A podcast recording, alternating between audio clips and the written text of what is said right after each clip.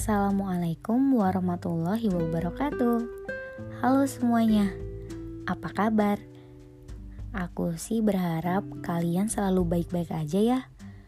Ya, walaupun dunia memang suka ngetes detak jantung tiba-tiba gitu. Selamat mendengarkan episode kedua dari podcast suaranya yang udah lama banget ngilang dari bumi. Tapi gak apa-apa lah ya, manusia kan gak akan tahu rasa rindu kalau belum ada yang hilang.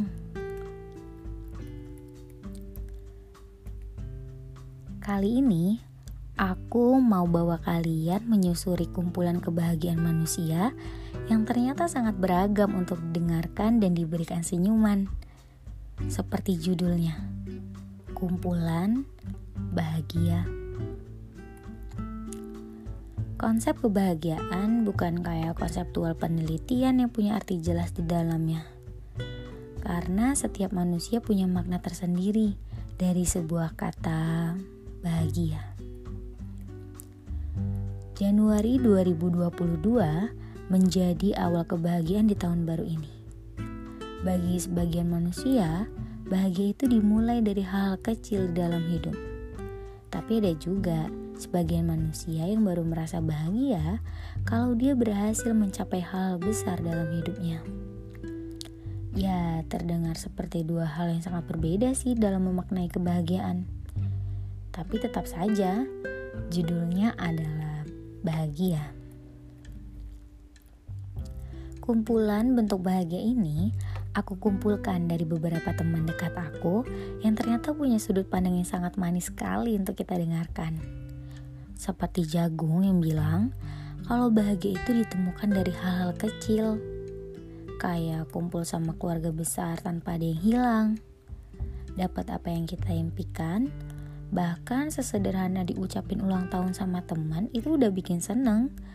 Karena mereka ingat sama hari bahagia kita. Dan Jagung juga gak lupa ngingetin aku bahwa kita harus bahagiain diri sendiri dulu baru kita bisa next level untuk bagian orang di sekitar kita. Alasannya sih supaya kebahagiaan yang kita kasih itu nggak palsu. Sama halnya kayak cantik yang bilang bahwa bahagia dia itu sesederhana nonton anime aja sih saat ini. Pernyataan yang ia buat dengan sedikit tawa di dalamnya. Selain itu, bentuk bahagia juga harus sampai ke diri sendiri dengan menjalani hari tanpa pikiran yang buruk and the worst at all. Karena ya balik lagi, bahagia itu nggak harus dari orang lain, tapi harus tumbuh subur dulu dari diri sendiri tanpa pengaruh orang lain. Lain hal sama dua teman aku lainnya nih.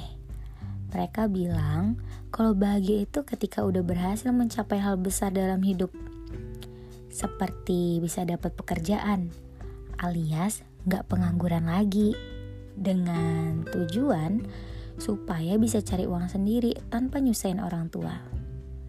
Bahagia yang terdengar seperti upaya untuk membahagiakan manusia lainnya, terutama orang tua.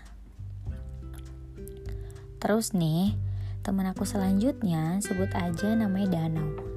Dia bilang kalau makna bahagia itu luas banget dan tak terduga Bahkan menurut dia, dapat feedback baik dan dihargai manusia lain itu bentuk bahagia yang luas banget kalau dipikir-pikir.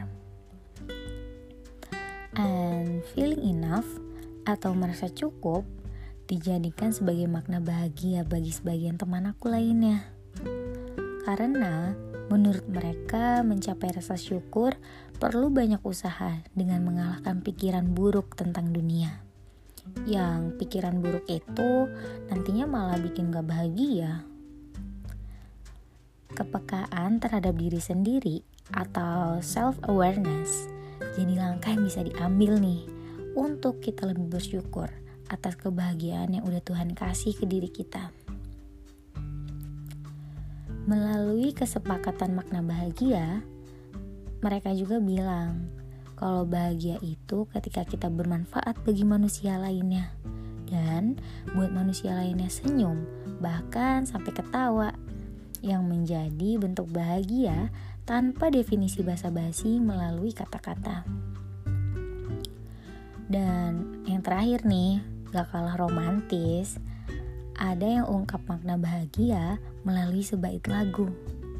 Yang intinya, makna bahagia itu karena ada aku di dunia ini.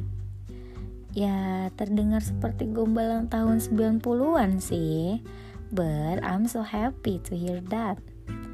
Ternyata bahagia bisa dari mana aja ya sumbernya. Padahal kalau dipikir-pikir hanya sekedar satu ref lagu saja. Makanya aku mau bilang sama kalian, kalau kita itu harus berani pilih cara bahagia kita masing-masing.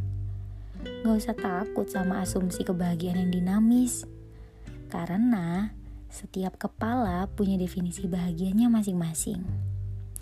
So, just happy in your way.